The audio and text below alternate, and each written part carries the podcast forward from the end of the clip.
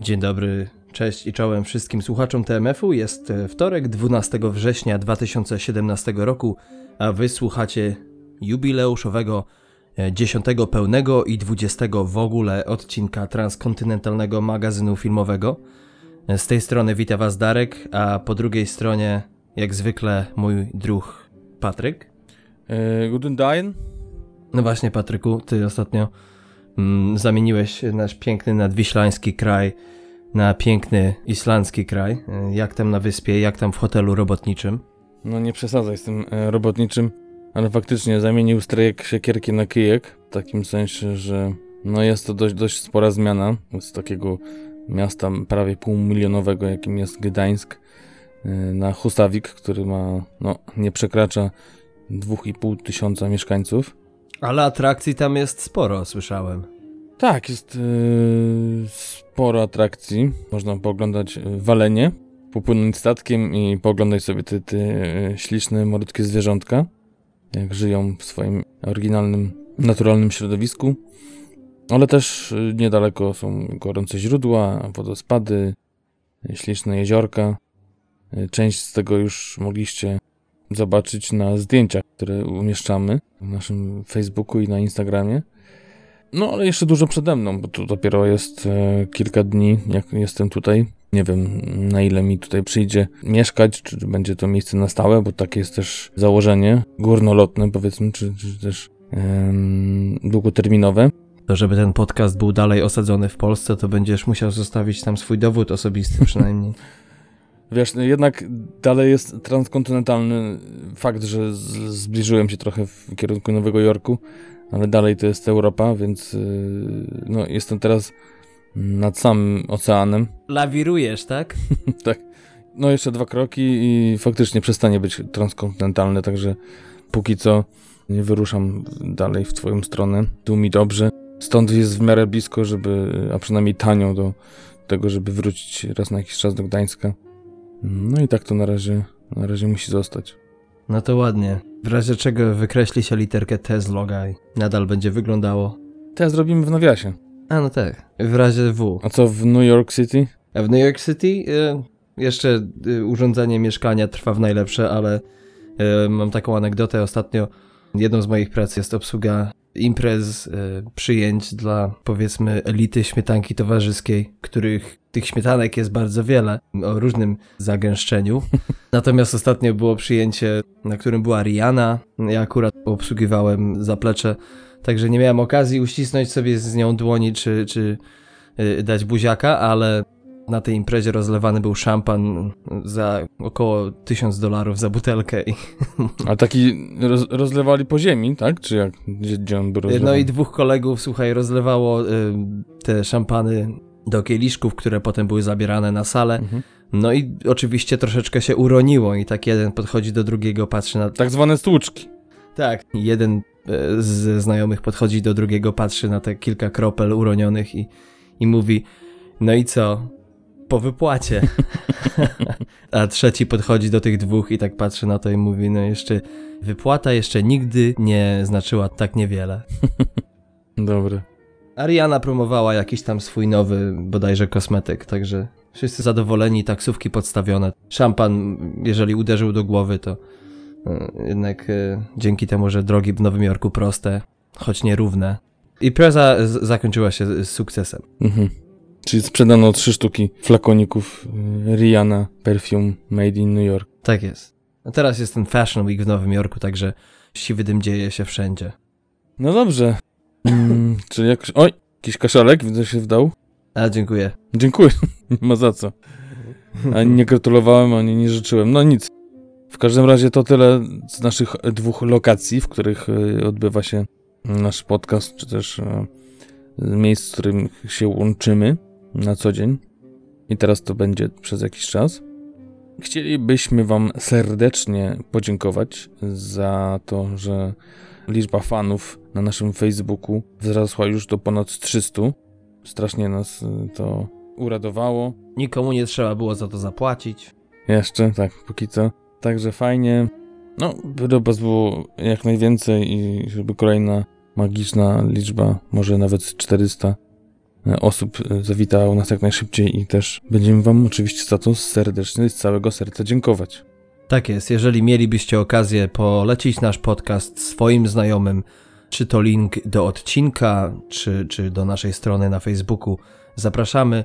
Zawsze to nam e, pomaga dotrzeć do kolejnej grupy odbiorców. Nic tak nie działa jak bezpośrednia reklama. Także zachęcamy i do tego będzie nam naprawdę bardzo miło. Yy, tak jest i jak zwykle przypominajki, czyli gdzie można nas słuchać, gdzie można nas ogólnie znaleźć, poczytać też yy, i pooglądać fotki, które od jakiegoś czasu wrzucamy. Na naszego Instagrama, tak, mamy naszego Instagrama. Gdy wpiszecie TMF podcast pisane razem, yy, to wyskoczy nasz logotyp zapewne i po kliknięciu w niego Będziecie mogli obserwować y, właśnie zdjęcia, które mieszczamy. No teraz wiadomo, to jest Nowy Jork i okolice Husaviku y, na Islandii. Pewnie będzie z czasem przybywało i lokacji, i zdjęć. Tutaj gwoli ścisłości zdjęcia te robimy sami. Nie kradniemy ich z internetu. No, a potem powiedzmy tam lekka postprodukcja. Hmm. tak z czasem pewnie przy większych budżetach i lepszych aparatach postprodukcja będzie się zmniejszała i skracała, tak samo jak y, czas i, i obróbka naszych odcinków, które, no właśnie, ostatnio z Darkiem rozmawialiśmy 5 miesięcy, mm, mniej więcej y, za nami nagrywania podcastów, a już to troszeczkę wydaje nam się, że jakiś progres nastąpił od, od pierwszego odcinka. Ja wracam czasami sobie do tych pierwszych odcinków, żeby posłuchać i zdać sobie sprawę, w jakim miejscu kiedyś byliśmy, kiedy to się nagrywało ze zwykłego mikrofonu prosto na laptopa. No i człowiek uczył się wszystkiego, także warto robić podcast, warto się uczyć. Nie jest to takie proste, prawda? No nie. Ilość wyrwanych włosów z głowy, ilość nieprzewidzianych akcji. Czasami potrafi człowieka, no, jeżeli nie przytłoczyć, to lekko tak przycisnąć do ścianki działowej. Dokładnie. Także oprócz Instagrama, oprócz Facebooka, czyli naszej strony na www.facebook.com łamane na TMF Podcast, a także naszej strony www.tmfpodcast.com. Możecie nas słuchać przez aplikacje podcastowe, takie jak Stitcher, Player FM, Pocket Casts, Podcast Addict, czy też Castbox. No ale oczywiście nie ma problemu ze znalezieniem nas na iTunesie, SoundCloudzie czy też YouTubie. Tak jest. Oprócz tego jesteśmy też dostępni w sklepie Google Music, także jesteśmy wszędobylscy do wyboru, do koloru. Już niedługo będziemy w waszych lodówkach, jak to mówi stary kawał o Stalinie. E, no i w ten sposób e, kończymy nasz housekeeping na dzisiaj. Przechodzimy żwawo i ale zanim zakończę, to przypomniało mi się, że rzeczywiście, jak na początku wspomniałem, jest to nasz dziesiąty pełny odcinek, a dwudziesty w ogóle. Także bardzo nam miło, że jesteście z nami do tej pory, że was przybywa. Mamy nadzieję, że razem będziemy dryfowali w jakimś fajnym kierunku. A co, co przyszłość przyniesie, to czas pokaże. No i w ten sposób przeszliśmy elegancko do premier. Jeśli chodzi o 8 września, czyli miniony piątek, to takie premiery jak Safari, Konstytucja, horror amerykański To na podstawie powieści Stephena Kinga, czy melodramat amerykański Tulipanowa Gorączka. Te filmy zostały przez nas opisane w ostatnim dziewiątym i pół odcinku. Premiery omawiamy mniej więcej od 6 minuty 52 sekundy, także tam zapraszamy. Szczególnie jeśli chodzi o dwa filmy, chociaż nigdy nie wiadomo jak to z Stephenem Kingem jest, prawda? No nie wiadomo, aczkolwiek dość y, pokaźny wynik, jeżeli chodzi o pokazy premierowe były, także jest, jest, jest szansa, także po słowach twórcy, autora książki, że, że będzie to coś końcu na miarę oczekiwań fanów Kinga. Steven zawsze pokazuje kciuki w górę, także dobrze, że przynajmniej on jest zadowolony. Tak jest. Pierwszym filmem, jeśli chodzi o premiery na 15 września natomiast, jest Powiernik Królowej film produkcji BBC Films oraz Perfect World Pictures, którego premiera światowa miała miejsce 3 września tego roku na festiwalu filmowym w Wenecji. Natomiast amerykańska premiera będzie 22 września tego roku. Za scenariusz odpowiada Lee Hall, który w dorobku ma takie filmy jak dramat biograficzny Rocketman w reżyserii Michaela Graceya z Tomem Hardym w roli głównej. Ten dramat dopiero przed nami, a będzie on opowiadał o historii życia Eltona Johna ale oprócz tego Scenarzysta ten popełnił takie filmy jak dramat wojenny Czas wojny Stevena Spielberga z 2011 roku, czy dramat familijny O czym szumią wierzby z Bobem Hoskinsem z 2006. Za reżyserię Powiernika Królowej odpowiada Stephen Frears, Brytyjczyk, który znany jest z takich głośnych filmów jak chociażby dramat biograficzny Królowa z Helen Mirren z 2006 roku, czy dramat Tajemnica Filomeny z 2013 roku z Judy Dench i Steve'em Cooganem. Trzecim najbardziej znanym filmem Frearsa jest melodramat kostiumowy Niebezpieczne Związki z 1988 roku z Glenn Close, Johnem Malkowiczem i Michelle Pfeiffer w rolach głównych. Jeśli chodzi o akcję powiernika, jest ona bardzo lakonicznie podana. Jest to historia przyjaźni królowej Wiktorii, która rządziła Wielką Brytanią i całym imperium w latach 1837-1901 z jej indyjskim sekretarzem Abdulem. Tutaj gwoli ścisłości oryginalny tytuł filmu brzmi Victoria and Abdul. W rolach głównych wystąpi ulubienica Stevena Frearsa, czyli Judy Dench jako królowa Victoria, która otrzymała wcześniej Oscara za rolę w komediodramacie historycznym Zakochany Szekspir z 1999 roku. Oprócz tego polscy widzowie mogą ją zobaczyć w filmie, o którym właśnie opowiadaliśmy tydzień temu, czyli Tulipanowej Gorączce, a także w kryminale Morderstwo w Orient Expressie, który wyjdzie w listopadzie tego roku. Na ten film nie mogę już się doczekać. Obsada iście gwiazdorska Kenneth Branagh, Penelope Cruz, Willem Dafoe, Johnny Depp, reżyseria sam Kenneth Branagh, także będzie co oglądać. Mm. Zapowiada się naprawdę wielka uczta i, i też budżet niemały. W roli Abdullah, partnera królowej Wiktorii, wystąpi Ali Fazal, który znany jest m.in. z takich filmów jak Szybcy i Wściekli 7, Jamesa Wana z 2015 roku, a także z komediodramatu romantycznego, którego Patryk chyba ty widziałeś nie tak dawno, Trzej Idioci. No tak, to jest y, film z Bollywoodu, który faktycznie przypadł mi do gustu. Może nie tak, że niedawno, ale fakt faktem to jest jeden chyba z pięciu, które widziałem. I chyba pomógł ci jakieś tam przyjaźnie zawrzeć, nie wiem czy dobrze pamiętam. Tak, tak, to na kontrakcie w, w Katarze poznałem taką grupkę monterów z Indii i no, że tak powiem, zaimponowałem im znajomością tego filmu i kilku innych tytułów, a już fabułą to gdzieś tam zabłysnąłem, to byli w niebo wzięci. Także na pewno pomogło mi to w tamtych czasach. Teraz trzeba y, kino islandzkie ruszyć. Trzeba, trzeba i to już przede mną, także melodia niedalekiej przyszłości. Jak kiedyś finanse na to pozwolą, będę musiał cię zatrudnić w roli skauta. Jakiego skauta? A to o tym się już po, poza anteną. okay. mm, wracając natomiast do Powiernika Królowej, to obsadę dopełnia bardzo znany brytyjski komik Eddie Izzard, który będzie grał Bertiego, czyli księcia Wali. Aktor ten znany jest z takich filmów jak historyczny dramat biograficzny Valkyria z 2008 roku Briana Singera z Tomem Cruzem w roli głównej, z horroru Cień Wampira z roku 2000 Eliasa Meridża oraz z filmu Ocean's 12 Dogrywka i Ocean's 13. Jako ciekawostkę można podać, że kiedy rozpoczęły się zdjęcia do tego filmu we wrześniu 2016 roku, Judy Dench była starsza o miesiąc od królowej Wiktorii, kiedy ta stwierdziła, że już najwyższy czas opuścić ten świat. Jest to zresztą nie pierwszy raz, kiedy Judy Dench gra królową, bo pewnie nasi widzowie pamiętają ją z e, filmu Jej Wysokość Pani Brown z 1997 roku Johna Madena, którym to właśnie zagrała monarchinię brytyjską. Oceny na IMDb to 6.2, na Rotten Tomatoes 43% krytyków uważało ten film za godny polecenia, a natomiast jeśli chodzi o widzów to aż 89%. Także być może będzie to coś, co Amerykanie i Anglicy nazywają guilty pleasure. Czas trwania filmu 112 minut. Chociaż nie jest to jakby temat chyba i klimat na, na tego typu kino, jak wspomniałeś, guilty pleasure. No ale może, kto wie.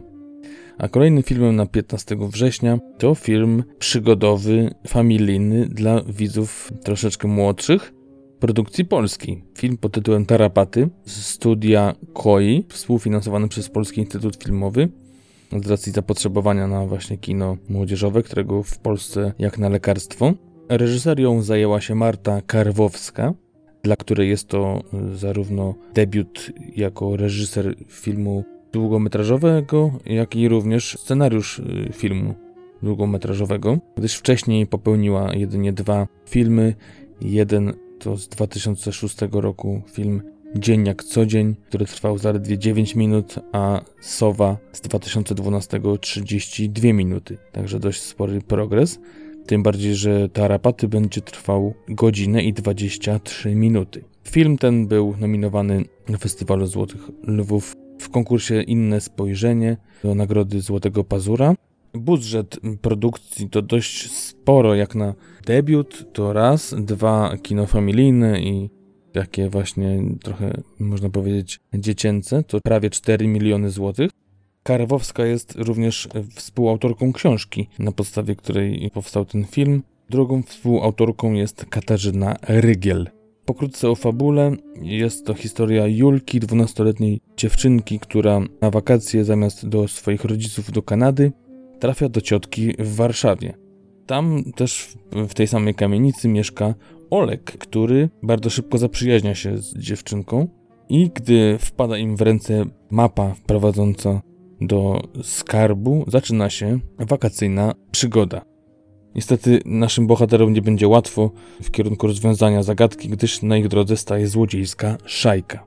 E, w rolach głównych debiutanci Hanna Chryniewiecka oraz Jakub Janota Bzowski w rolach właśnie nastolatków, e, ale także Piotr Głowacki, wcześniej znany z takich filmów jak Bogowie z 2014, Disco Polo z 2015, czy też Planeta Singli z zeszłego roku. Roma Gąsiorowska, bardziej znana z filmu Sala Samobójców z 2011, czy też dwie części filmu List do M, a także Krzysztof Stroiński, którego niedawno można było oglądać w filmie W ukryciu z 2013, czy też Anatomii zła z 2015 roku. Zapowiada się taki powrót do czasów do lat 80., 70., kiedy to przecież w polskim kinie sporo było tych filmów, filmów przygodowych, filmów e, na lato. Dokładnie, nawet sama autorka i reżyserka mówi, że inspirowała się mocno takimi filmami jak właśnie Wakacje z duchami e, czy Podróż mhm. za jeden uśmiech.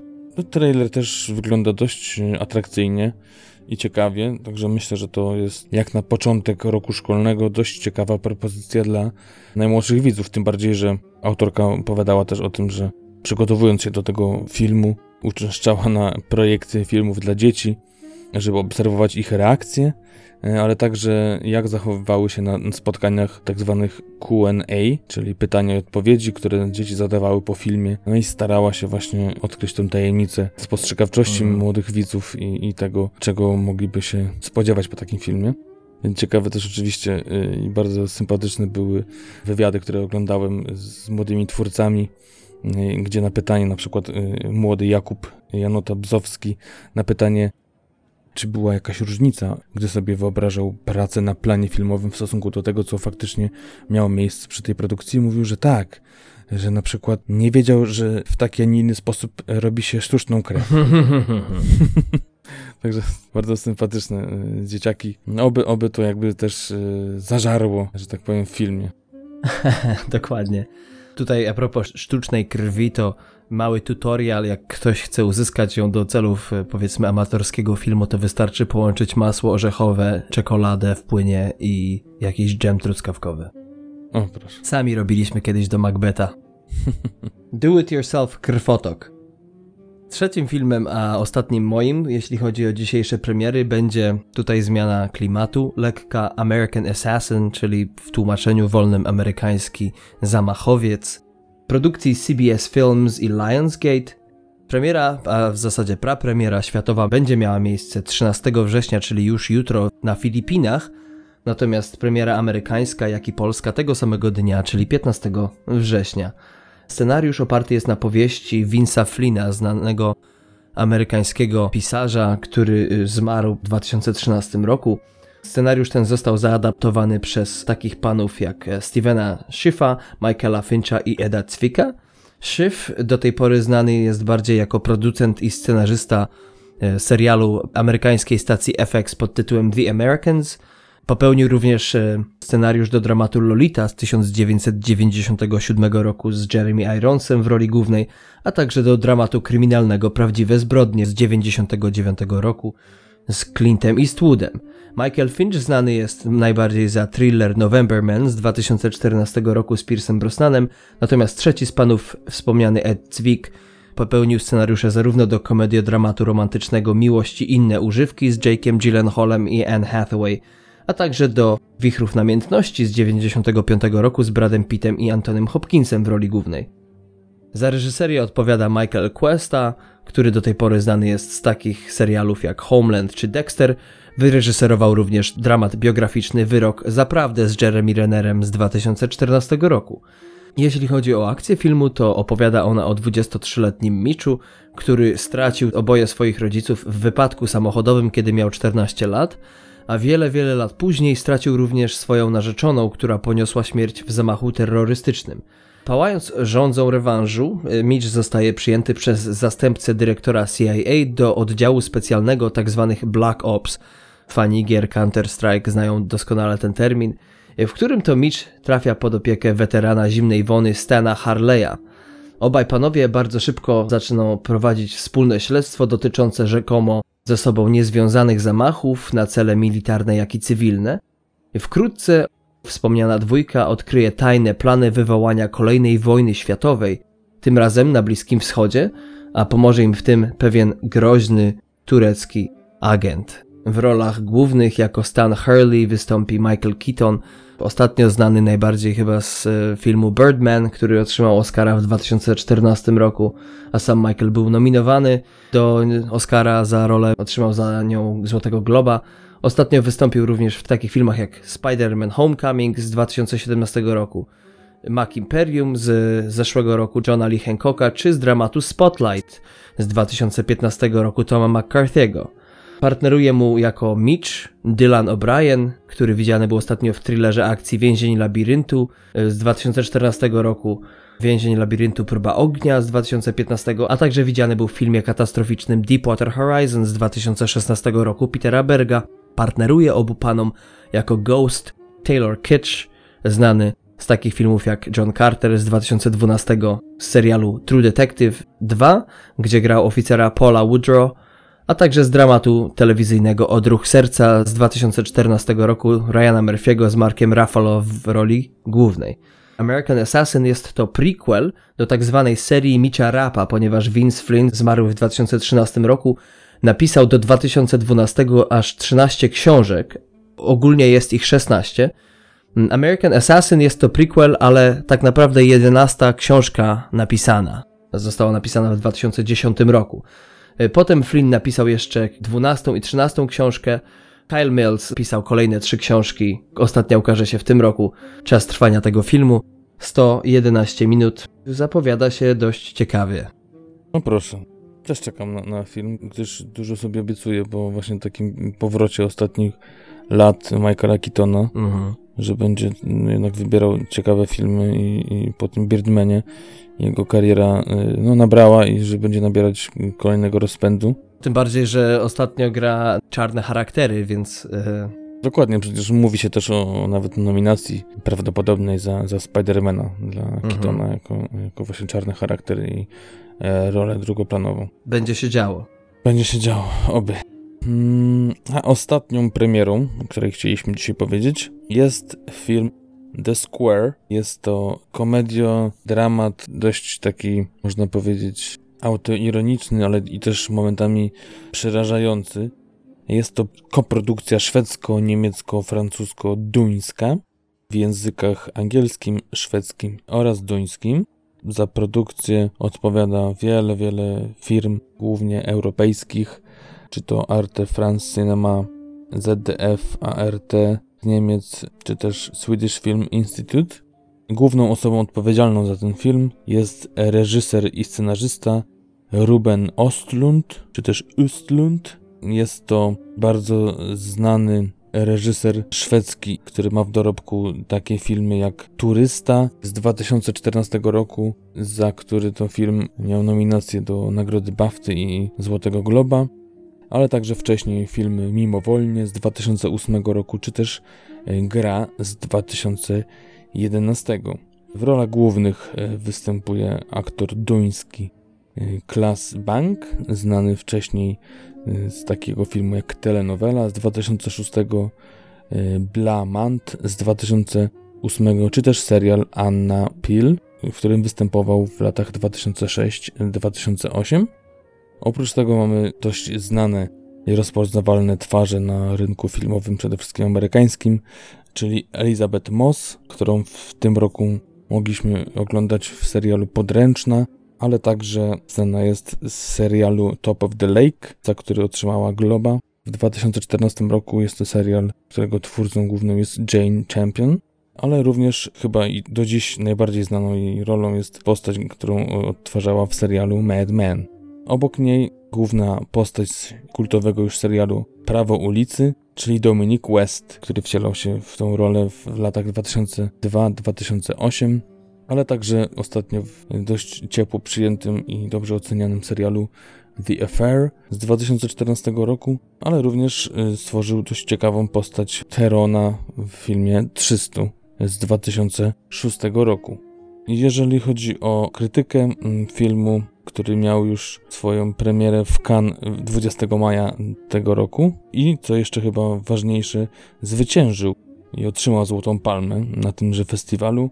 Ocena jego to na IMDb 8.0, a na Rotten Tomatoes y, jest to 72%. Co ciekawe, po premierze w Cannes zrobiono małe poprawki montażowe i no, tą wersję będziemy mogli podziwiać teraz y, w naszych kinach. Przechodząc może do historii, jaka jest opowiedziana, jest to historia Krystiana, bardzo bogatego i atrakcyjnego mężczyzny z wielkim urokiem osobistym. Niedawno się rozwiódł y, i wdaje się w niezobowiązujące romanse. I kolejną jego zdobyczą ma być młoda amerykańska dziennikarka, w którą właśnie wciela się Elizabeth Moss. Nasz bohater jest na co dzień dyrektorem prestiżowego Muzeum Sztuki Nowoczesnej, co jakby daje mu dość mocną pozycję społeczną. Na co dzień także opiekuje się córkami, jeździ drogim samochodem, a także wspomaga potrzebujących, zwłaszcza gdy nie jest do tego potrzebny zbyt duży wysiłek. Jednakże podczas przygotowań do premiery ostatniego dzieła, czy też e, instalacji, e, właśnie pod tytułem The Square, dość yy, nieoczekiwane sytuacje mają miejsce i okazuje się to nie lada wyzwaniem. Wyzwaniem, które yy, będzie w stanie sprawdzić jego bohaterskość, czy też męskość yy, i podważyć, można powiedzieć, te właśnie jego cechy. Co ciekawe, film kręcony był w Sztokholmie, Berlinie oraz w Gotenbergu i jest oficjalnym szwedzkim kandydatem do Oscara na 2018 rok.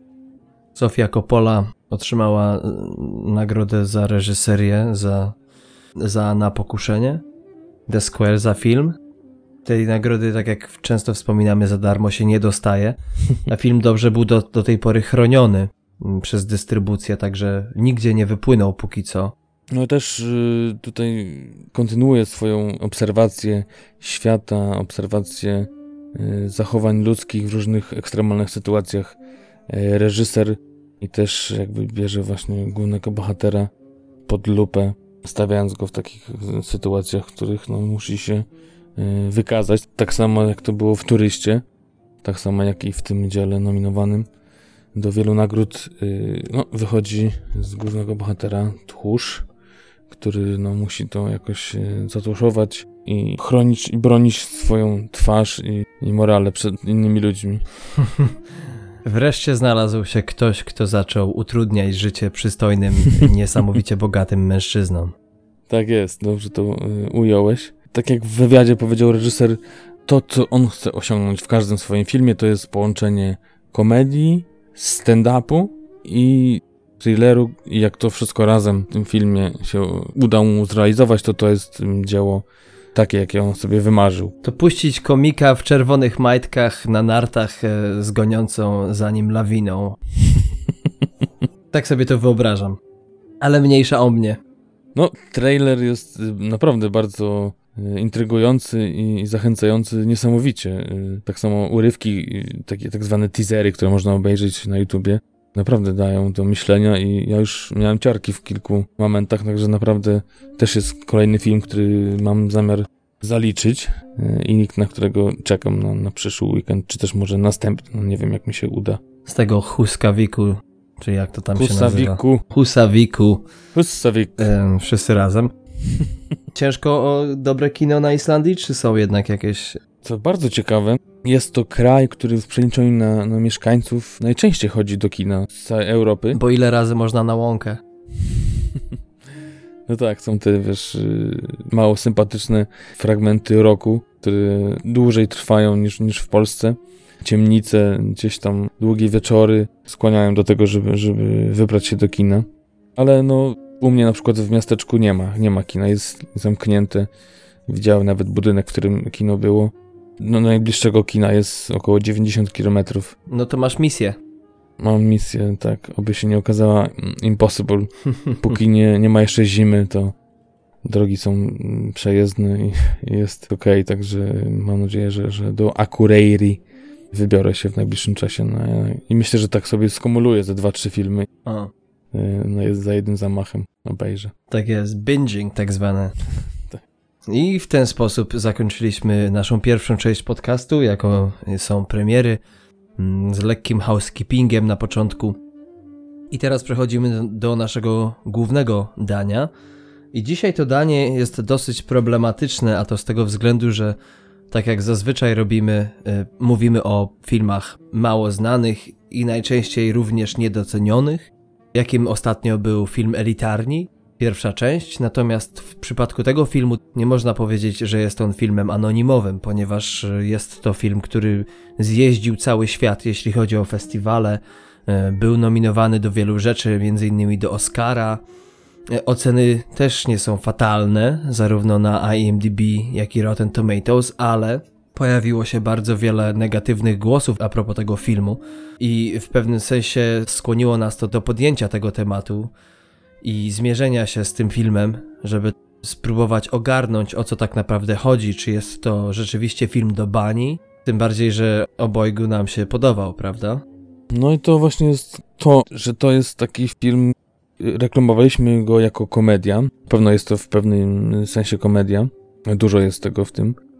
Ale nie jest to takie jednoznaczne, nie jest to na pewno film dla każdego. I tutaj nie jest to, to takie tylko buńczuczne zapowiedzi jakiegoś dzieła przeambitnego, że jest to film dla każdego i ktoś, kto tego nie zrozumie, to, to jest w ogóle wyklęty i gdzieś tam mm, powinien się zachować do kąta. Nie jest tak, naprawdę y, są ludzie, którym się bardzo podobał, są tacy, którym się bardzo nie podobał, też y, wśród polskiej krytyki filmowej, ale no, myślę, że sam, sama nominacja do, do scenariusza, to jest ważne, to scenariusz do Oscara mówi, że, że coś jest y, ciekawego, coś musi być ciekawego w tym. Coś musi być na rzeczy, tak. Tak jest. I, i, I to chcielibyśmy Wam tutaj przedstawić. Oczywiście kulisy tego filmu, ale także to, dlaczego dla nas ten film jest, bo chyba myślę, że można już to powiedzieć na samym początku wyjątkowy. Tak, jest to oficjalna decyzja sztabu szkoleniowego. E, Film oczywiście, o którym mowa, to po amerykańsku The Lobster, po polsku Lobster, a tak naprawdę po polsku Homar, którego premiera światowa miała miejsce 15 maja 2015 roku na festiwalu filmowym w Cannes. Co ciekawe, ten film również miał polską, powiedzmy, prapremierę, która odbyła się 24 lipca 2015 roku na festiwalu Nowe Horyzonty we Wrocławiu. I film ten przemierzył cały świat od 15 maja do 14 października tylko i wyłącznie poprzez festiwale od Cannes do Belgii, w międzyczasie zahaczając o resztę świata. E, Premiera amerykańska limitowana miała miejsce 13 maja 2016 roku, czyli praktycznie rok po prapremierze. Pamiętam jak z moim profesorem ówczesnym e, ze szkoły aktorskiej wybraliśmy się na ten film. Jechaliśmy gdzieś po bezdrożach stanu Connecticut, żeby dotrzeć do małego, zapadłego, zapadniętego lekko kina, które pokazywało akurat ten film jako jedyne w szerszej okolicy. Polska premiera miała miejsce natomiast 26 lutego 2016 roku. A ja może chciałbym pokrótce odnieść się do samego Homara, jeżeli pozwolisz. Proszę cię bardzo. Typ stawonogi, podtyp skorupiaki, gromada pancerzowcy, rząd dziesięcionogi, podrząd ploecymata, infrarząd rakowce, potrafi żyć 100 lat, a największy amerykański ważyć nawet ponad 20 kg i ma niebieską krew. Tak jest. Nazwa powstała w 1852 roku. Oprócz tego, że ma niebieską krew, sporo waży i potrafi być smaczny, to jeszcze trzeba dodać, że zachowuje zdolności do rozmnażania się aż do śmierci, co też związane jest z głównym bohaterem. Film ten został wyreżyserowany przez Jorgosa Lantimosa, Ateńczyka urodzonego w 1973 roku, który mm, po ukończeniu szkoły filmowej w Atenach skierował swoje kroki ku teledyskowi, reklamom telewizyjnym, potem y, filmy fabularne. Pierwszy to dramat Kineta z 2005 roku, chociaż Patryk, on popełnił już wcześniej film, zanim został jakby indywidualnym reżyserem, prawda? No tak, w 2001 roku podzielił się mm, reżyserią ze swoim mentorem e, Lakiem Lazapolusem w komedii o Kaleteros Maufilos. Dość ciekawe dziele, no jak chyba wszystkie, dość też specyficznym, o człowieku, który ma wyjechać w podróż służbową.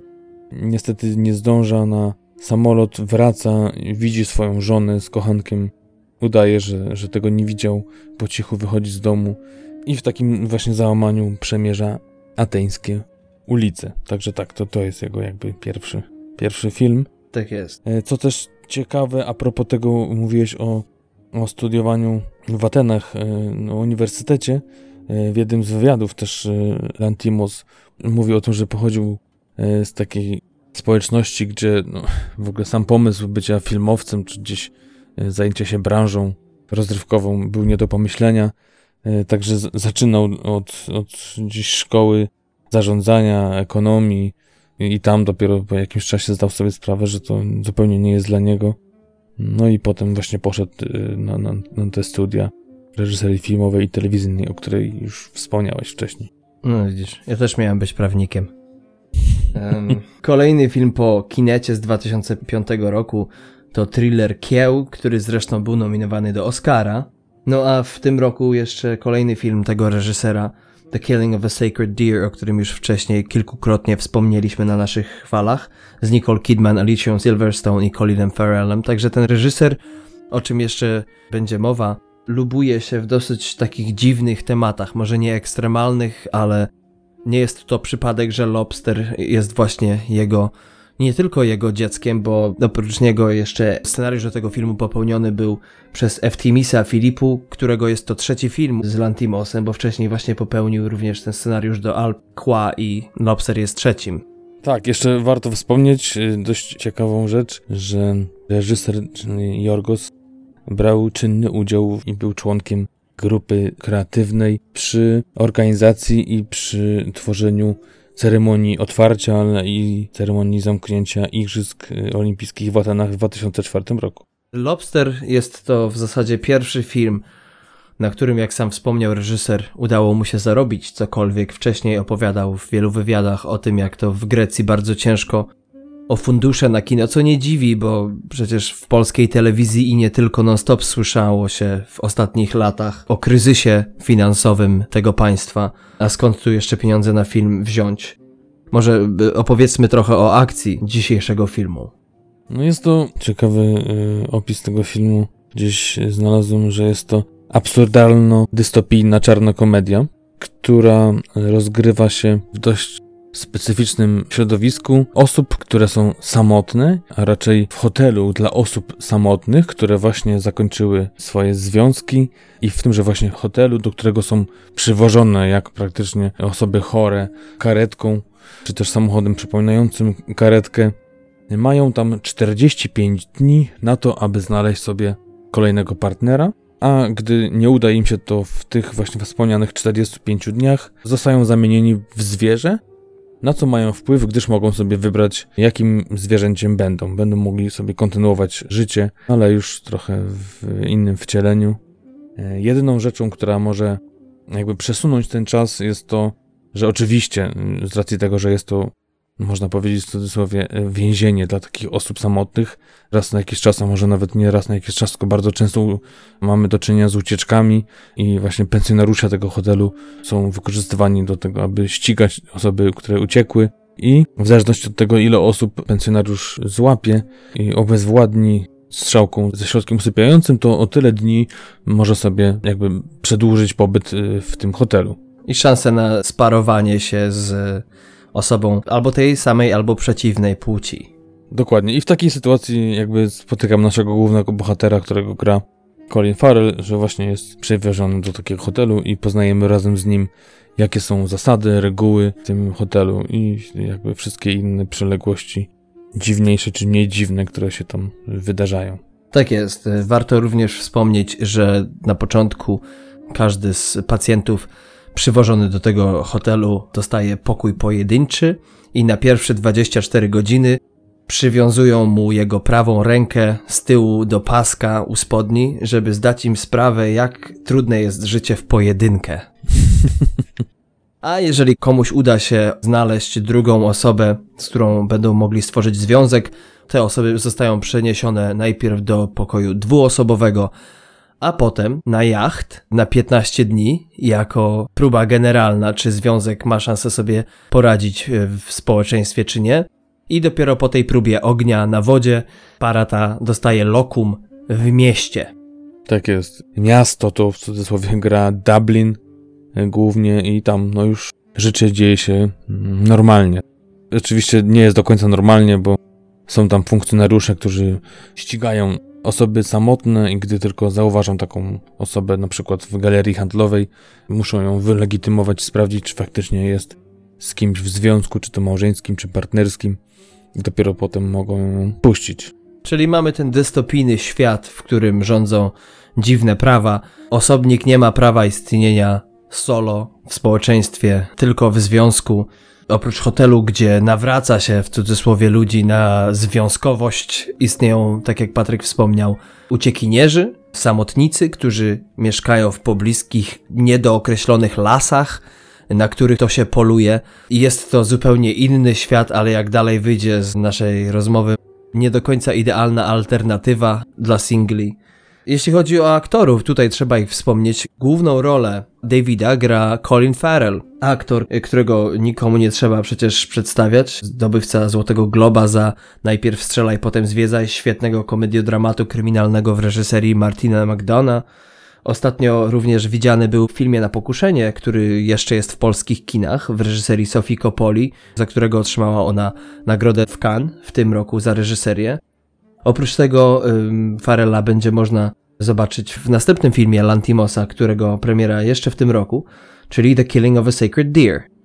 Oprócz niego można zobaczyć y, również partnerującą mu Rachel Wise, którą na pewno znacie z, między innymi z filmu Wierny Ogrodnik z 2005 roku, za którego dostała Oscara, ale także film, to chyba jeden z swoich ulubionych, Darku, Źródło mhm. 2006, czy też y, Młodość Paolo Sorrentino z 2015 roku. Oprócz nich, oprócz tej pary, która tworzy tutaj, myślę, że tu dużo nie zdradzimy, bo jest to w pewnym sensie też film romantyczny. Oprócz nich y, grają też Olivia Colman, znana wcześniej z takich filmów jak Hot Fuzz, serialu Broadchurch, w którym występowała w latach 2013-2017. Pani prokurator. Tak, pani prokurator.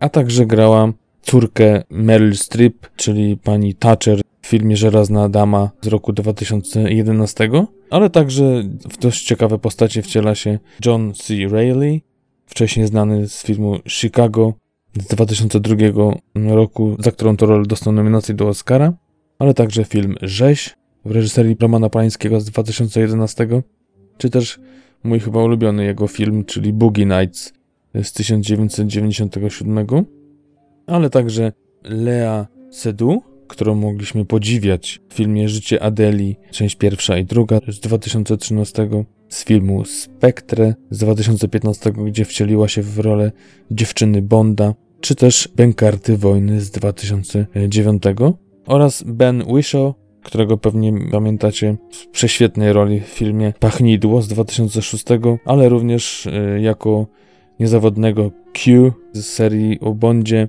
zarówno w filmie Skyfall, jak i Spectre oraz y, zapowiedziana jest jego wizyta w najnowszym filmie, w którym również zgodził się zagrać po raz chyba ostatni Daniel Craig, ale także dziewczyna z portretu z dość ciekawą rolą z 2015 roku.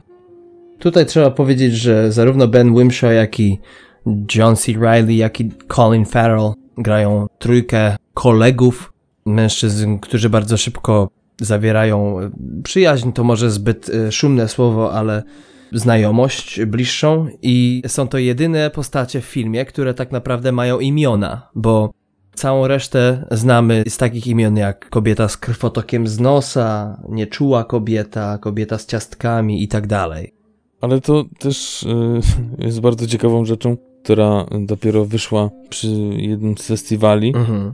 Gdzie na rozmowie takiej właśnie konferencji prasowej okazało się, że Jorgos nie rozumiał o co chodzi z tym, że nie ma imion. Każda postać ma imię, mówi. Mhm. I w ogóle to był szok dla wszystkich aktorów, gdyż yy, bardzo często na przykład Rachel Weisz była pytana w kilku wywiadach, jakie by sobie nadała imię. Mówi, że o tym nigdy nie myślała, a tutaj Latimos mówi, no jak, przecież to Emma.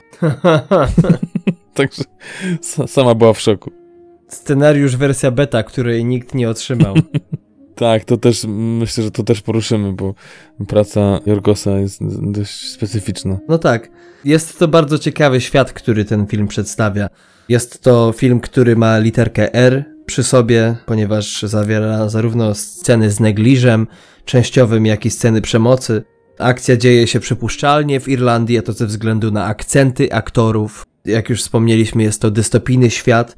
Jest to bardzo dziwny świat. Zresztą dystopia w ogóle jest no, może nie gatunkiem, ale stylem, który jest dosyć ciężki w odbiorze, ponieważ e, jest to film, który najczęściej, przynajmniej w przypadku Lobstera, jest to film, który nie za bardzo pozwala na rozsiądnięcie się wygodnie w fotelu i zatopienie się w świat filmu, ukojenie swoich nerwów. Jest to film, który zmusza do myślenia, jest to film, który, jak mówi Jorgos, ma na celu uświadomienie ludziom, wyolbrzymienie ludziom procesów, które zachodzą w naszym społeczeństwie, z których my często nie zdajemy sobie sprawy lub też wokół których przechodzimy bokiem. Tak, nawet y, Colin Farrell w jednym wywiadzie na pytanie, co tak naprawdę chce powiedzieć ten film, jakie, ma, jakie daje odpowiedzi. Odbija piłeczkę, mówi, że on nie ma dawać odpowiedzi, tylko ma zadawać pytania. I że to jest właśnie styl reżysera, żeby nie narzucać swoich przekonań i tego, jak on widzi świat i w jaki sposób on to wszystko pojmuje, tylko z racji szacunku dla widza zadaje tylko pytania i mówi sam Farrell, że po tym jak przeczytał scenariusz, po tym jak zagrał w filmie i potem go jeszcze obejrzał, dalej nie wie tak naprawdę, co Jorgos uważa za dobro, co za złe, co jest prawdą, jakie ma podejście do świata y, reżyser. To jest tak, że jest ten dystopijny świat i jest powiedzmy ta dziwna moc, czy to jakieś rozporządzenie rządu, czy lokalnej władzy. Tu akurat film nigdy nie udziela odpowiedzi, tak jak wspomniałeś, na to pytanie, kto tak naprawdę każe ludziom pójść do tego hotelu i sparować się w, w, ciągu 45 dni, no chyba, że przedłużają sobie szanse na polowaniach na y, uciekinierów. Mhm. Natomiast w momencie, kiedy nasz główny bohater zostaje opuszczony przez żonę, która znajduje sobie nowego partnera i udaje się do hotelu razem ze swoim psem.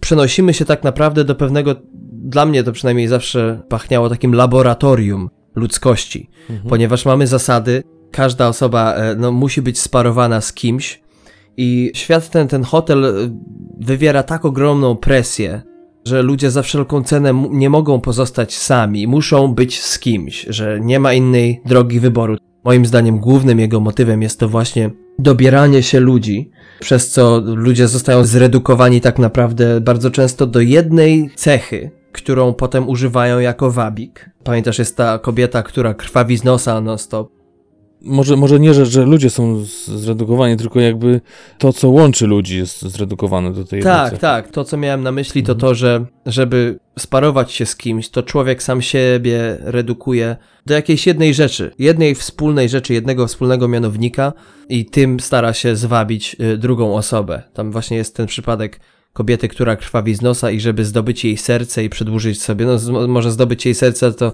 troszeczkę zbyt romantycznie powiedziane, bo w tym filmie bardzo mało uczuć yy, można zaobserwować, ale żeby zdobyć jej uwagę, to najlepiej jakby y, znalazł się ktoś, komu również raz na jakiś czas niezapowiedzianie pocieknie z nosa krew. No tak, i to tak naprawdę postać Davida i Emmy to jest jedna para, która naprawdę ma jakieś prawdziwe uczucia, chociaż tutaj oczywiście też nie, nie do końca. Nie jest to czyste uczucie, co można zauważyć w jednej ze scen końcowych tak naprawdę filmu, ale, ale też y, to, że w pewien sposób też oni próbują przede wszystkim David gdzieś zaszufladkować ten ich związek i na siłę szuka tej cechy, która by ich łączyła, co tak naprawdę na początku ich znajomości jakby nie ma, nie ma wpływu, tak? Zakochują się w sobie i jest to jakby czyste uczucie, a potem ewoluuje z racji tego, że tak jak powiedziałeś, jest to społeczeństwo w hotelu, ale gdy chcesz się z tego społeczeństwa wydostać, z tej dziwnej jakby w cudzysłowie sekty, mhm. to wpadasz w inną, w inne skopisko osób, które no, ma znowu swoje zasady, dziwne postrzeganie bycia już singlem, tak? I tutaj też nie ma wolności, mhm. także to jest wpadanie z, z deszczu pod rynne tak naprawdę według tego. No tak, naprawdę ten film cechuje mhm. brak środka, bo nawet w, w, momencie rejestracji do hotelu nie można się zarejestrować jako na przykład biseksualista. Jest tylko homoseksualista i heteroseksualista. Wiesz co, pamiętam kiedyś oglądałem e, taki wywiad, nie będę wchodził w szczegóły, natomiast w, w tym wywiadzie pewna osoba powiedziała, że największym problemem dzisiejszego świata, a był to polski program, jest to, że ci ludzie, którzy są pośrodku, oni są największym zagrożeniem, bo ludzi tych nic tak naprawdę szczególnego nie charakteryzuje, tych ludzi nie można sobie ulepić, do niczego nie są przydatni. I nawet jeśli to nie jest zamierzeniem tego filmu, to od kiedy usłyszałem ten wywiad, ilekroć bym nie powracał do Lobstera, przypominało mi to coś takiego, że to istnienie pomiędzy jest to jakiś objaw wolnomyślicielstwa. Jest to niepożądane. Dlaczego nie wiemy, ale nie potrafię znaleźć innej odpowiedzi na to, dlaczego wszystko jest albo w jednym ekstremum, albo w drugim.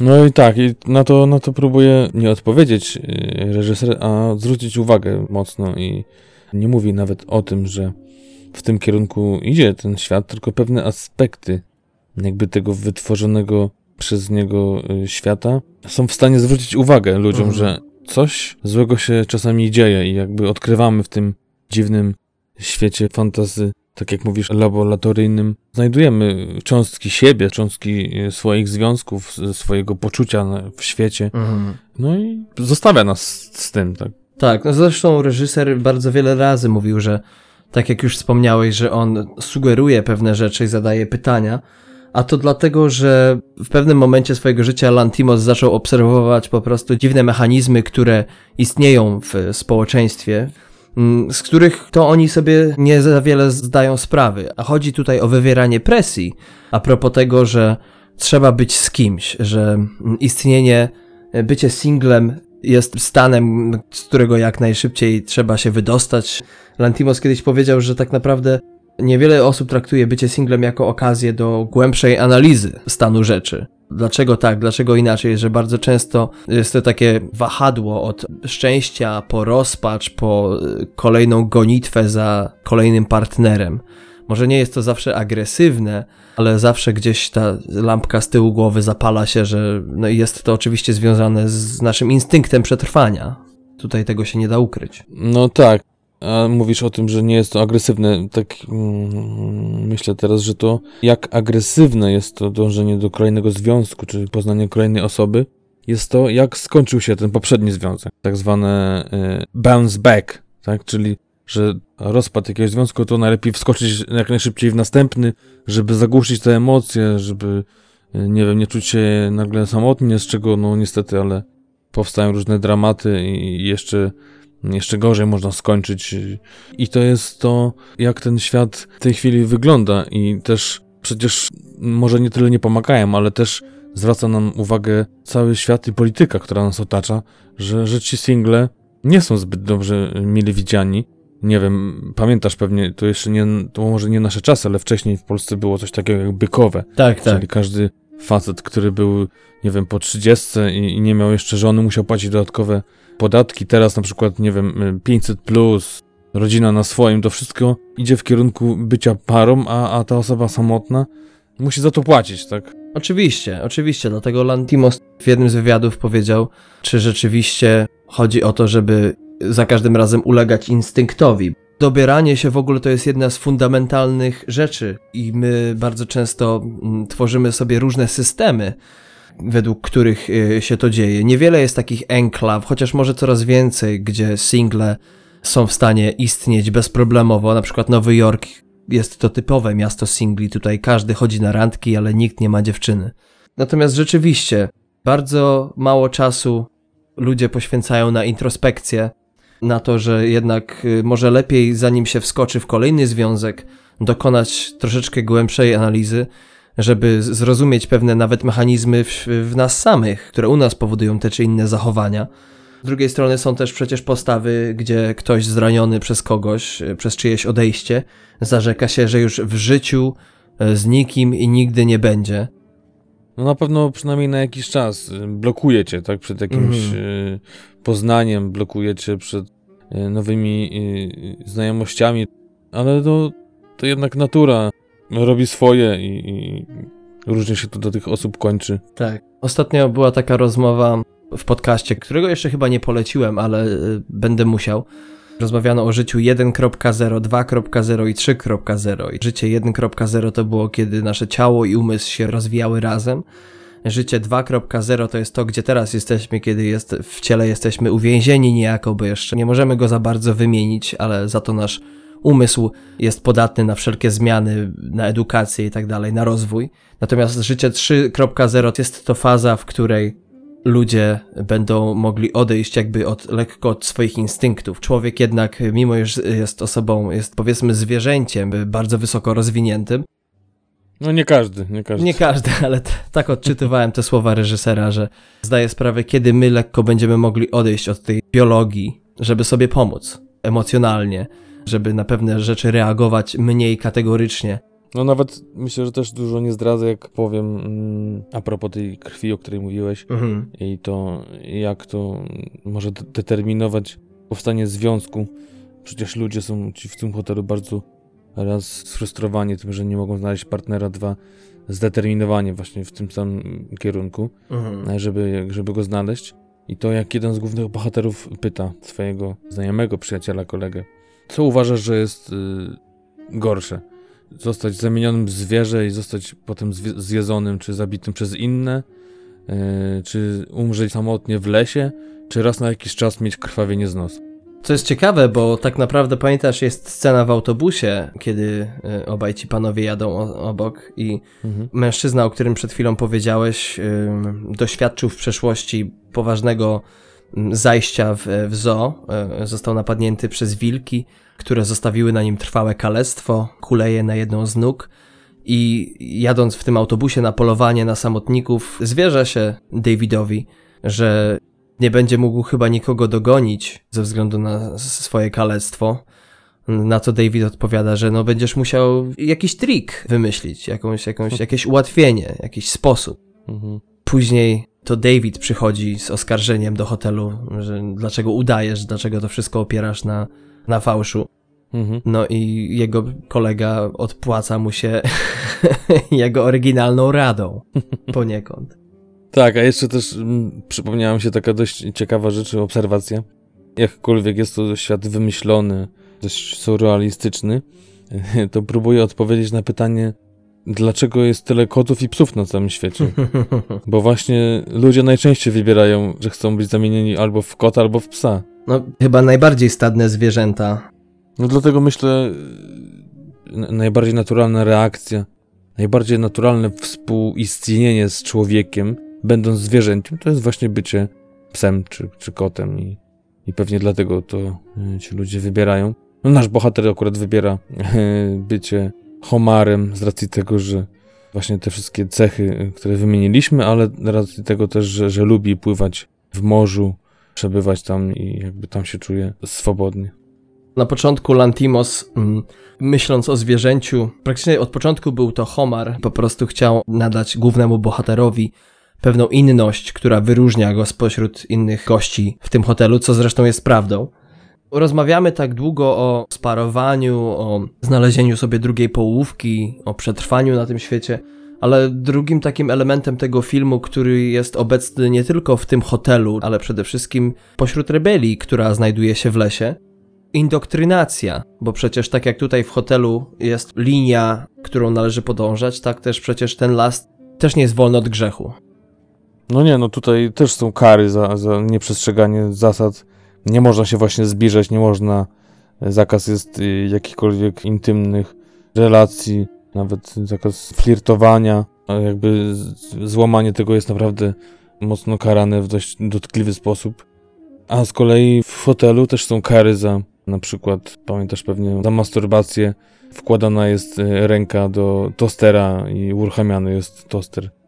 Także... No z tym się kojarzy moja ulubiona scena w tym filmie, jeśli chodzi o humor, bo pamiętasz, jest taka scena, kiedy John C. Reilly przyłapany na masturbacji i zapytany o inspirację mhm. do tego czynu, opowiada o zdjęciu przedstawiającym nagą kobietę na koniu i na jego odpowiedź y, Olivia Colman reaguje w ten sposób.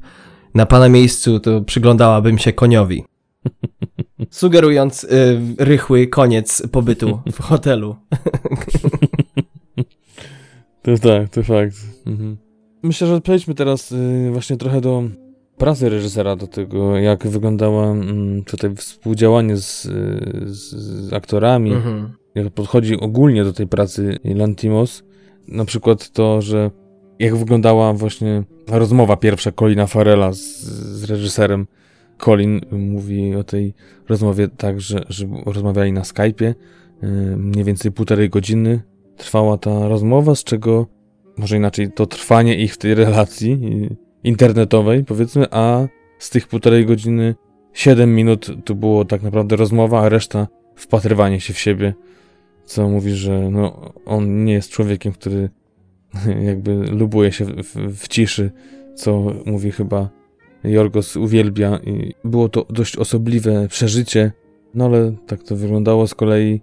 Jorgos ma taką chmurkę ascetyczności wokół siebie, bo ta anegdota przypomina mi ogólny styl pracy reżysera, czy ogólny styl filmów, które re reżyseruje. U nikogo w jego filmach nie pojawia się nawet zarys jakiejkolwiek mimiki na twarzy. Dokładnie.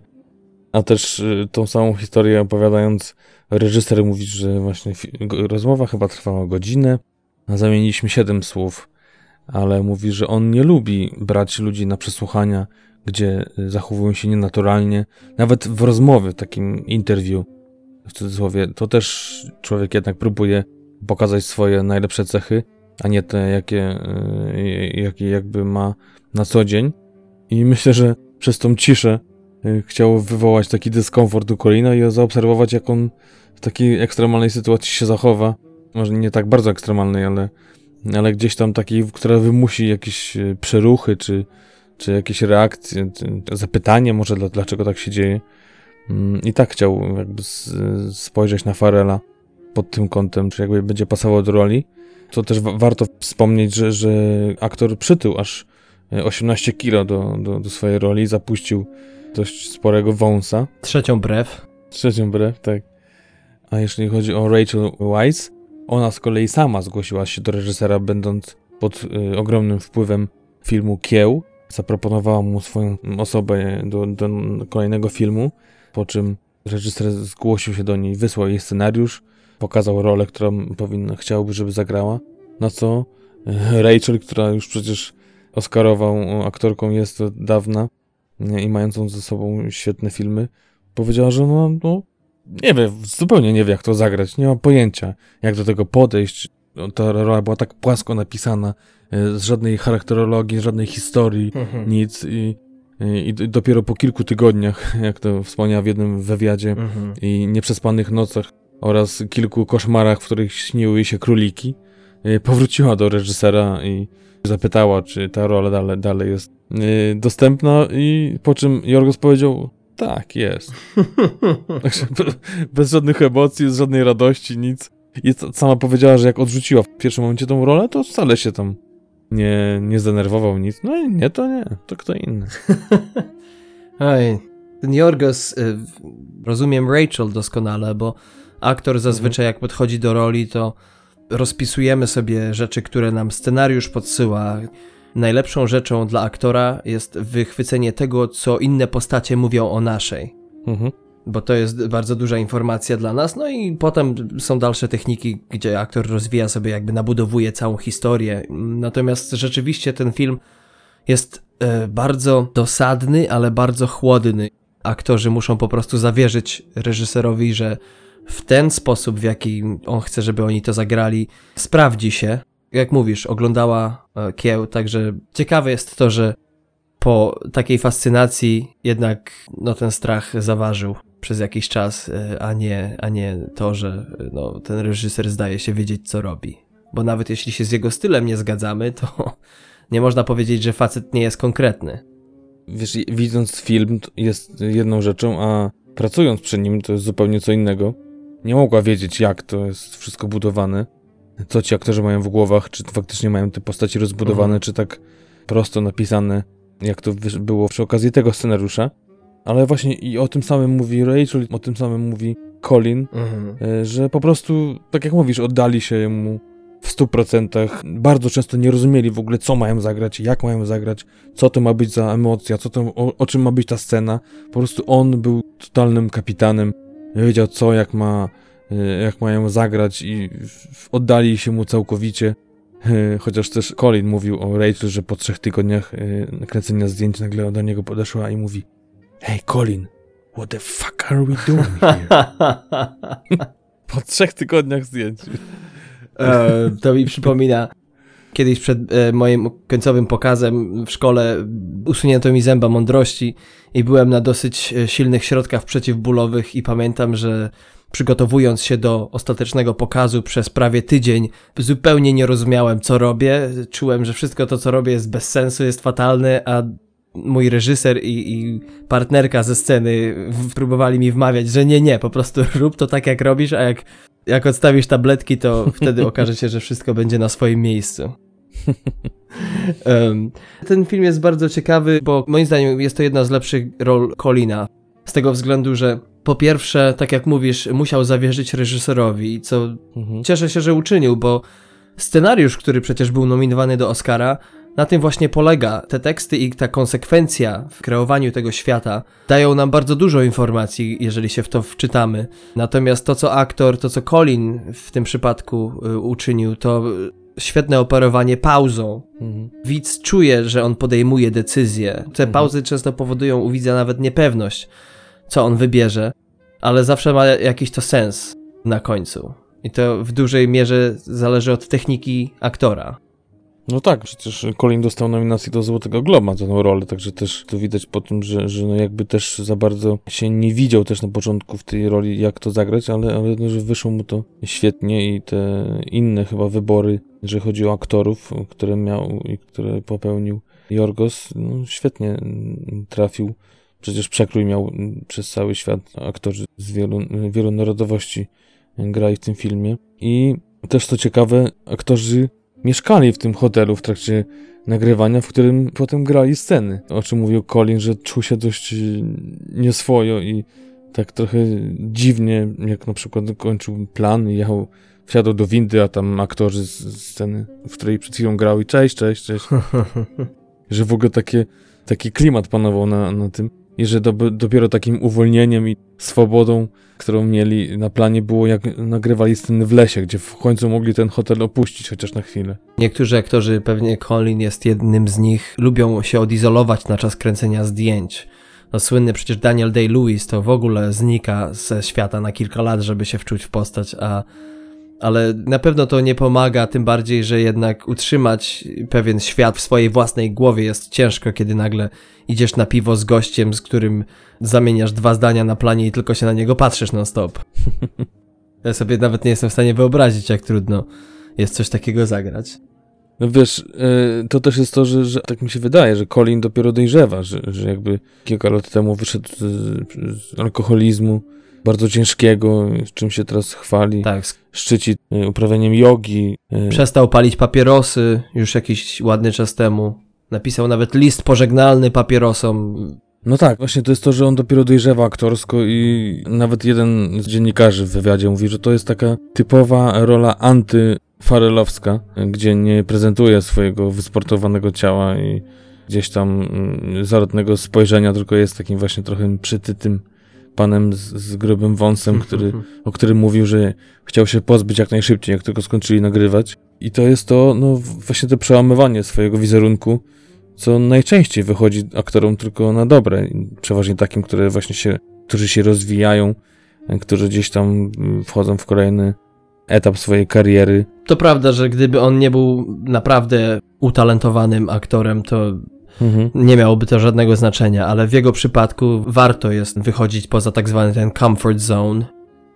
No też ciekawostki są, jeżeli chodzi o to, jak sobie układać cały film Jorgos, ponieważ mówi, że na przykład zdjęcia zostawia sobie na sam koniec. Jakby dalej ma tą świadomość tego, że te środki, które ma na film, są ograniczone i jakby chce zdjęcia potem dostosować już do tego, co sobie ułoży, jak rozpisze y, dialogi, jak ustawi aktorów, dopiero potem zajmuje się zdjęciami. Aczkolwiek no tutaj miał już 4,5 miliona do- dolarów, o czym może nie wspomnieliśmy, i zarobki na poziomie 15,4, także dość dobrze mu tutaj poszło. Ale właśnie to jest ta jedna rzecz. E, Dwa to, że ma bardzo statyczną kamerę w tych e, wszystkich ujęciach i to, że tworzy, jak mówił, film z różnych warstw, właśnie muzykę, e, lokacja, sposób grania, potem jeszcze dołożył narratora i dopiero, dopiero to wszystko jak się złoży, dopiero wtedy Mhm. patrzy, czy to wyszło to, co, co chciał, czy nie i ewentualnie coś tam modyfikuje. Też pamiętasz pewnie, jak wiele jest powtarzających się fragmentów muzyki, powtarzających się dialogów, powtarzających całych zdań, czy nawet Mhm. wypowiedzi. I to wszystko jakby składa się na ten, tą taką creepy atmosferę, którą chciał gdzieś tam y, wytworzyć y, w tym, w, tym swoim, w tym swoim świecie. No widzisz, facet chciał oszczędzić na muzyce, a, wyszło, a wyszła wartość dodana. Rzeczywiście nie tylko wprawia to wszystko w taki no dosyć ponury nastrój, to jeszcze y, jest to świetny wybór w ogóle ze względu na, jeśli chodzi o muzykę, bo jest wiele scen w tym filmie, w których akcja jest jakby na kontrze do muzyki, czy też odwrotnie. No ta muzyka zamiast podkreślać ten nastrój, tak jak w wielu filmach powiedzmy romantycznych, czy y, zwykłych fabularnych, ta muzyka jeszcze bardziej podkreśla to, co reżyser chce, żebyśmy czuli. Natomiast w tym filmie jest to wszystko na właśnie takim dysonansie, kiedy sceny drastyczne czy też niedrastyczne nie są sparowane z towarzyszącą im muzyką, a wręcz przeciwnie. Ja oglądając ten cały film y, ani razu nie miałem momentu, kiedy odetchnąłem z ulgą. No dokładnie, ja miałem to samo. Tak jak mówisz, nawet jak była muzyka romantyczna, scena była dramatyczna, to gdzieś tam właśnie jak iskierki gdzieś tam z dwóch krzemieni wypadały te takie komiczne, czy to frazy, czy, czy właśnie zdarzenia, Mhm. które właśnie jakby wydawało się, że, że z tego połączenia nic takiego nie będzie, a Jorgos to robi po prostu genialnie, wyśmienicie to tworzy. Przygotowany jest na to, że jak zabraknie na świecie pieniędzy na film, to on sobie poradzi. Włączy tryb oszczędnościowy, Tak, on już ma. jak mój laptop teraz właśnie taki tryb wszedł i, i sobie poradzi. Tak jest. Wspomnieliśmy o muzyce, warto też o zdjęciach. Oprócz tego, że jak powiedziałeś już, kamera jest dość statyczna i jedynie wykonuje lekki ruch, czy ten lekki zoom e, przy dłuższych scenach, mm, no to tutaj trzeba powiedzieć, że rzeczywiście te wszystkie sceny, które są kręcone, cechują się bardzo wielką konsekwencją. Widać, e, że każdy gest, ruch kamery, czy też e, ruch postaci jest dobrze przemyślany. Ten film, jeśli chodzi o strukturę, można podzielić na takie dwie części. Co prawda, granica między nimi nie jest może jak ostrze noża, ale y, no przede wszystkim pierwsza część jest to ekspozycja, w której to dowiadujemy się tak naprawdę o co chodzi w tym dziwnym, niedorzecznym świecie z tymi wszystkimi dziwnymi regułami. Natomiast potem przechodzimy już bardziej do tego, jak nasz główny bohater sobie radzi z tym wszystkim i, i zaczyna się ta. Pamiętasz, jest taka scena, kiedy on przechodzi przez pierwsze polowanie, na którym nikogo nie upolował i w pewnym momencie zdaje sobie sprawę, jest taka pauza, że, że aha, o jeden dzień mniej. I moim zdaniem to jest dla mnie taka czytelna granica, że tutaj zaczynają się teraz schody. I od tego momentu praktycznie jest jeszcze spory okres w tym filmie, kiedy ta ekspozycja się wdziera, ale reżyser świetnie przeplata ujęcia już dalszej akcji z ujęciami, które jeszcze dają nam dodatkowe informacje. Pamiętasz tę scenę no, prawie że z manekinami, kiedy widownia ogląda ym, tak zwane sceny z życia, gdzie to pokojówka i służący odgrywają rolę. A co by było, gdyby, co by się stało kobiecie, gdyby przechodziła samotnie przez park? A co by się stało, gdyby przechodziła z kimś innym? Ludzie wpatrzeni są w to jak ciele wmalowane wrota. No racja. No a powiedz mi, jakie ulubione sceny właśnie, zmierzając ku końcowi. Powiem ci, że y, tak jak już wspomnieliśmy o tych kajdankach na początku, na te pierwsze 24 godziny, ty powiedziałeś o tym mężczyźnie z krwawiącym nosem. Ja bym powiedział, że taką moją ulubioną sceną jest, i tutaj o niej jeszcze, o tej postaci nie wspomnieliśmy, o nieczułej kobiecie, kobiecie z lodowatym sercem, która w pewnym momencie zostaje sparowana z naszym głównym bohaterem, który y, symuluje, że też nie ma uczuć. No i dochodzi do pewnego zdarzenia w tym filmie, mhm. które wystawia Davida na wielką próbę. Kobieta dowiaduje się, że ten symulował brak uczucia, strzela mu w twarz, i wypowiada chyba to, co dla mnie jest przesłaniem tego filmu. Najbardziej ważne zdanie. Najpierw oskarża go o kłamanie, krytykuje go za to, a potem mówi: Przecież wszyscy dobrze wiedzą, że żaden związek nie powinien być oparty na kłamstwie. tak, tak. To chyba jest clue wszystkiego dla mnie, jeśli chodzi o ten film. A powiedz, co, co ciebie najbardziej ruszyło, czy wzruszyło. Wiesz to, jeżeli chodzi o ruszenie mnie, to na pewno ta scena, o której ty mówisz. Nie ma chyba mocniejszej tą sceny. A drugą sceną, hmm, która przypadła mi do gustu i dość zapadła mi w pamięć, była ta, kiedy, może pamiętasz, jedna z postaci z lasu, tych y, tak zwanych partyzantów, zaprowadziła naszych bohaterów do domu swoich rodziców w mieście i tam rodzice grali na gitarach i właśnie nasza para Emma i, i David zaczynają okazywać względem siebie miłość swoją i jakby rozpływają się w tej granej piosence przez rodziców do, do granic możliwości tak naprawdę i bardzo przekraczając granice przyzwoitości na pewno zachowania się u, u rodziców swoich znajomych, także mm, to druga ta scena, która, która jest jedną z moich ulubionych. Chociaż wiele jest takich, czy to nawet gestów, czy, czy pojedynczych słów, które, które mi gdzieś za, zapadły podczas tego filmu. No pamiętasz tą scenę na przykład, kiedy kobieta z krwawiącym nosem pływa w basenie, a facet z kulującą nogą ma plan, żeby zdobyć jej serce i tak. jest taki, takie ujęcie, kiedy ona płynie, odbija się od drugiego brzegu, płynie dalej z powrotem i nagle ten zaczyna iść wzdłuż basenu. Yy, tak, tak. To są takie smaczki w tym filmie, które powodują, że warto obejrzeć go drugi i trzeci raz, bo mhm. E, jak przygotowujemy się do tego podcastu, to, to ten drugi, trzeci raz to są momenty, kiedy zaczynam naprawdę doceniać ten film, e, mimo początkowego zachwytu nad, nad nim. No tak, to są takie filmy, które za drugim razem już tak nie działają. Mam tak na przykład w, przy szóstym zmyśle, no ale to przeważnie są e, filmy z takimi twistami, które mhm. jakby, no potem film ubożeje, jak już znasz tą końcówkę ale takie, które gdzieś rozgrywają mm, wiele problemów i wiele różnych aspektów, czy to życia, czy, czy jakiegoś takiego świata y, ze swoimi przyległościami i różnymi odchyłkami, czy też patologiami, to, to, to się miło ogląda za, za każdym razem tak naprawdę. Mhm. E, gdzieś tam można coś nowego odkryć i zauważyć. A, a propos tej sceny właśnie, o której mówisz na basenie, też, też za pierwszym razem nie skupiłem się na tym, co tam się działo, jak ona odpłynęła i dopiero mówię, to, to chyba nie było takie. Jakby zbyt mało się działo w tej scenie, jak na ten film. I cofnąłem, mówi, a, okej, okay, dobra, mam to. No. a powiedz mi, żeby być tak, yy, no, może nie do końca obiektywnym, bo my nie jesteśmy w tym podcaście obiektywni. No, natura tego podcastu nie jest obiektywna, ale gdybyś tak starał się wypośrodkować ocenę, to jest coś, co w tym filmie to byś y, nie widziało, co nie przypadło ci do gustu? Wiesz co, no, y, to nie jest może to, że, że mi nie przypadło do gustu, ale są takie momenty, których nie rozumiem jeszcze.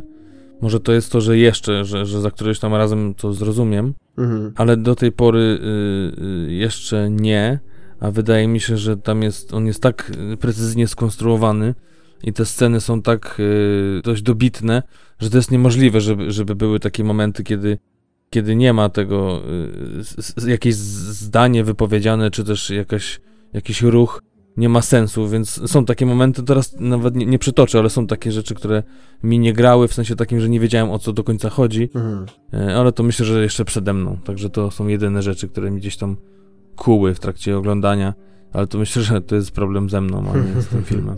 No u mnie było kilka takich momentów, kiedy nie do końca podobała mi się narracja. Myślę, że są momenty w tej narracji głosem Rachel Weisz, która czasami nie wiem, czy do końca. tak zwanej, e, przypomnijmy, jak to powiedziała Rachel, anty-Terence Malick voice. Tak, anty-Terenceowo-malikowskiej narracji. Są momenty w niej, które mi nie do końca grają, które może nie są do końca potrzebne, ale za drugim czy trzecim razem, jak ten film oglądałem, to um, kilka momentów mi odeszło. Um, przynajmniej zastanowiłem się nad tym, co usłyszałem, aczkolwiek to jest ten mój problem z filmem, że bardzo często uważam, że rzeczy, które są dopiero zrozumiane za trzecim razem, no okej, okay, mogą tam być, nie ma problemu, ale to nie są rzeczy dla szerszej widowni, bo my przecież nie mamy czasu, żeby powracać do kina wiele razy na ten sam seans, nie? Dokładnie. Także chyba to jest jego największym minusem. Dziury w narracji. Okej. Okay. Powiedz mi ocenę końcową, jakbyś podsumował ten film? W naszej TMF-owskiej skali do 15 yy, myślę, że daję mu takie 13. 13. Powiem ci, że Adam 12,5, bo nie chcę być jednomyślny. E, ale, e, ale rzeczywiście jest to film, który mm, jest wyjątkowy. Nie z tego względu, że jest to film fenomenalny, bo nasz podcast nie jest po to, żeby ludzi zmusić do polubienia czegoś, ale warty jest obejrzenia, żeby skonfrontować się z tym, jak reżyser o dość osobliwym stylu pojmuje świat. Jest to dobry przyczynek do dyskusji, nie uważasz? Ja uważam, że można ten film pokochać nawet i myślę, że będą i takie osoby, i są takie na pewno. Y, na przykład członkowie Akademii, którzy dali nominację. ale, ale na pewno nie jest to łatwy film, na pewno y, jest to komedia, ale nie taka klasyczna. Jest to na pewno film tak zwany gatunkowy, ale myślę, że, że najbardziej jednak przeważa tutaj komedia i ten ton taki ironiczny i autoironiczny. Ktoś powiedział o tym filmie kiedyś, że to jest komedia, która komedią nie jest, choć film jest śmieszny. no, coś, coś, coś w tym jest. Yy, także nie jest dla wszystkich, ale dla wszystkich jest ten podcast. Także jeżeli nie film, to może sama dyskusja Wam się spodoba. Może, może jednak ktoś tam yy, będzie chciał sięgnąć po ten film, to będzie nam miło jeżeli gdzieś tam skomentuje czy polubi. Wart jest przecież dla samej roli Colina Farela choćby zobaczyć ten film. Tak, dla y, narratorów y, antymalickich i fanów antykolina, a nawet dla przeciwników Kolina, bo to on nie gra tutaj siebie. I, I też, żeby zobaczyć, jak to możliwe, że taka aktorka jak Rachel Weisz mogła mieć problemy i mogła w pierwszym momencie odrzucić tą rolę, uznając, że po prostu nie będzie potrafiła tego zagrać a jak to świetnie y, ostatecznie zrobiła. Tak jest. Także jeszcze raz zapraszamy Was, kochani słuchacze, na film Lobster, komediodramat romantyczny z 2015 roku według scenariusza Jorgosa Lantimosa i Eftimisa Filipu w reżyserii tego pierwszego z Colinem Farrellem, Rachel Weisz i Johnem C. Riley w rolach głównych. Na pewno warto. I to chyba tyle, jeśli chodzi o dzisiejszy dziesiąty jubileuszowy poniekąd pełny odcinek. Dziękujemy jeszcze raz za to, że jesteście z nami, że słuchacie nas, ściągacie nasze odcinki, odwiedzacie nasze strony, zarówno tą internetową www.tmfpodcast.com, jak i tą na Facebooku www.facebook.com ukośnik tmfpodcast. Dostępni jesteśmy, tak jak Patryk powiedział na początku, na wszystkich apkach, zarówno na telefony z systemem Android, jak i z systemem marki Apple. Także słuchajcie nas, zostańcie z nami, bo będzie się działo w kolejnych odcinkach, ale to nie wszystko, co mamy dla Was. Oprócz tego, jak już powiedzieliśmy, jesteśmy na Instagramie. Zapraszamy tam, umieszczamy zdjęcia z Nowego Jorku, jak i z Islandii. E, tak, a ważną rzeczą jest to, aby przypomnieć e, oczywiście kolejny odcinek, który no, standardowo będzie za tydzień czyli 19 września. Będzie to półodcinek z numerkiem 10,5. A ciekawostką a propos tego i kolejnych półodcinków jest to, że przyjmie ona nową formułę, a ma to związek z tym, że każdy z takich odcinków będziemy nagrywali indywidualnie. Jeden będzie nagrywał Darek, jeden ja Zaczniemy od odcinka w cudzysłowie islandzkiego, czyli tego, który ja będę prowadził, a potem mm, będzie to przeplatane oczywiście z, z, kolejnym pełnym odcinkiem, gdzie będziemy we dwóch i potem odcinek e, Darka i tak dalej, i tak dalej, aż do e, zapewne kolejnego wywiadu, gdyż e, to może Darek coś wspomni, żebyś też coś, coś ciekawostek mógł powiedzieć Państwu, co przed nami. Oczywiście. Otóż nagrywamy powoli terminy kolejnych wywiadów z czołowymi polskimi stand-uperami. Także pierwszy odcinek specjalny był z Abelardem Gizą, kolejny już w planach, y, także zapraszamy. A jeszcze dodam tylko a propos tych półodcinków, że nowa formuła podyktowana jest również tym, że rzeczywiście chcemy, żeby nasz podcast był utrzymany jak najwyższym poziomie i jeszcze wyższym niż do tej pory. To wiąże się z ogromną ilością pracy włożoną w przygotowanie odcinków, y, z całą tą logistyką i trzeba wygospodarować sobie tak czas, żeby to wszystko ładnie spiąć żeby wam się słuchało nas z przyjemnością, żebyśmy byli dla was y, nie tylko źródłem rozrywki, ale też ciekawych informacji przede wszystkim. No tak i, i zobaczymy jak to będzie działać. Czekamy na jakiś odzew po pierwszych tych półodcinkach pojedynczych. Jak wam się to podoba, czy chcecie, żeby to tak też zostało i być może jak to się gdzieś tam wszystko y, ogarnie, to w przyszłości wrócimy do tych półodcinków wspólnych.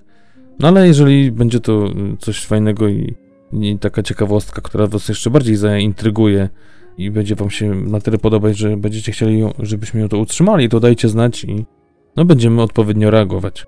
Jest to zawsze szansa na to, żebyście nas trochę lepiej poznali, bo z reguły półodcinki pewnie e, jeśli chodzi o klimat, będą bardzo różne, bo Patryka głos jest zupełnie inny, bardziej wyważony. Ja zawsze pędzę jak na złamanie karku, także będzie do wyboru, do koloru. I to tyle, jeśli chodzi o dzisiejszy dziesiąty pełny odcinek. Dziękujemy jeszcze raz serdecznie, kochani, że z nami jesteście, że dotrwaliście do końca. E, do zobaczenia już za tydzień, a za uwagę w dzisiejszym odcinku dziękuję Wam Patryk oraz Darek. Trzymajcie się ciepło. Cześć.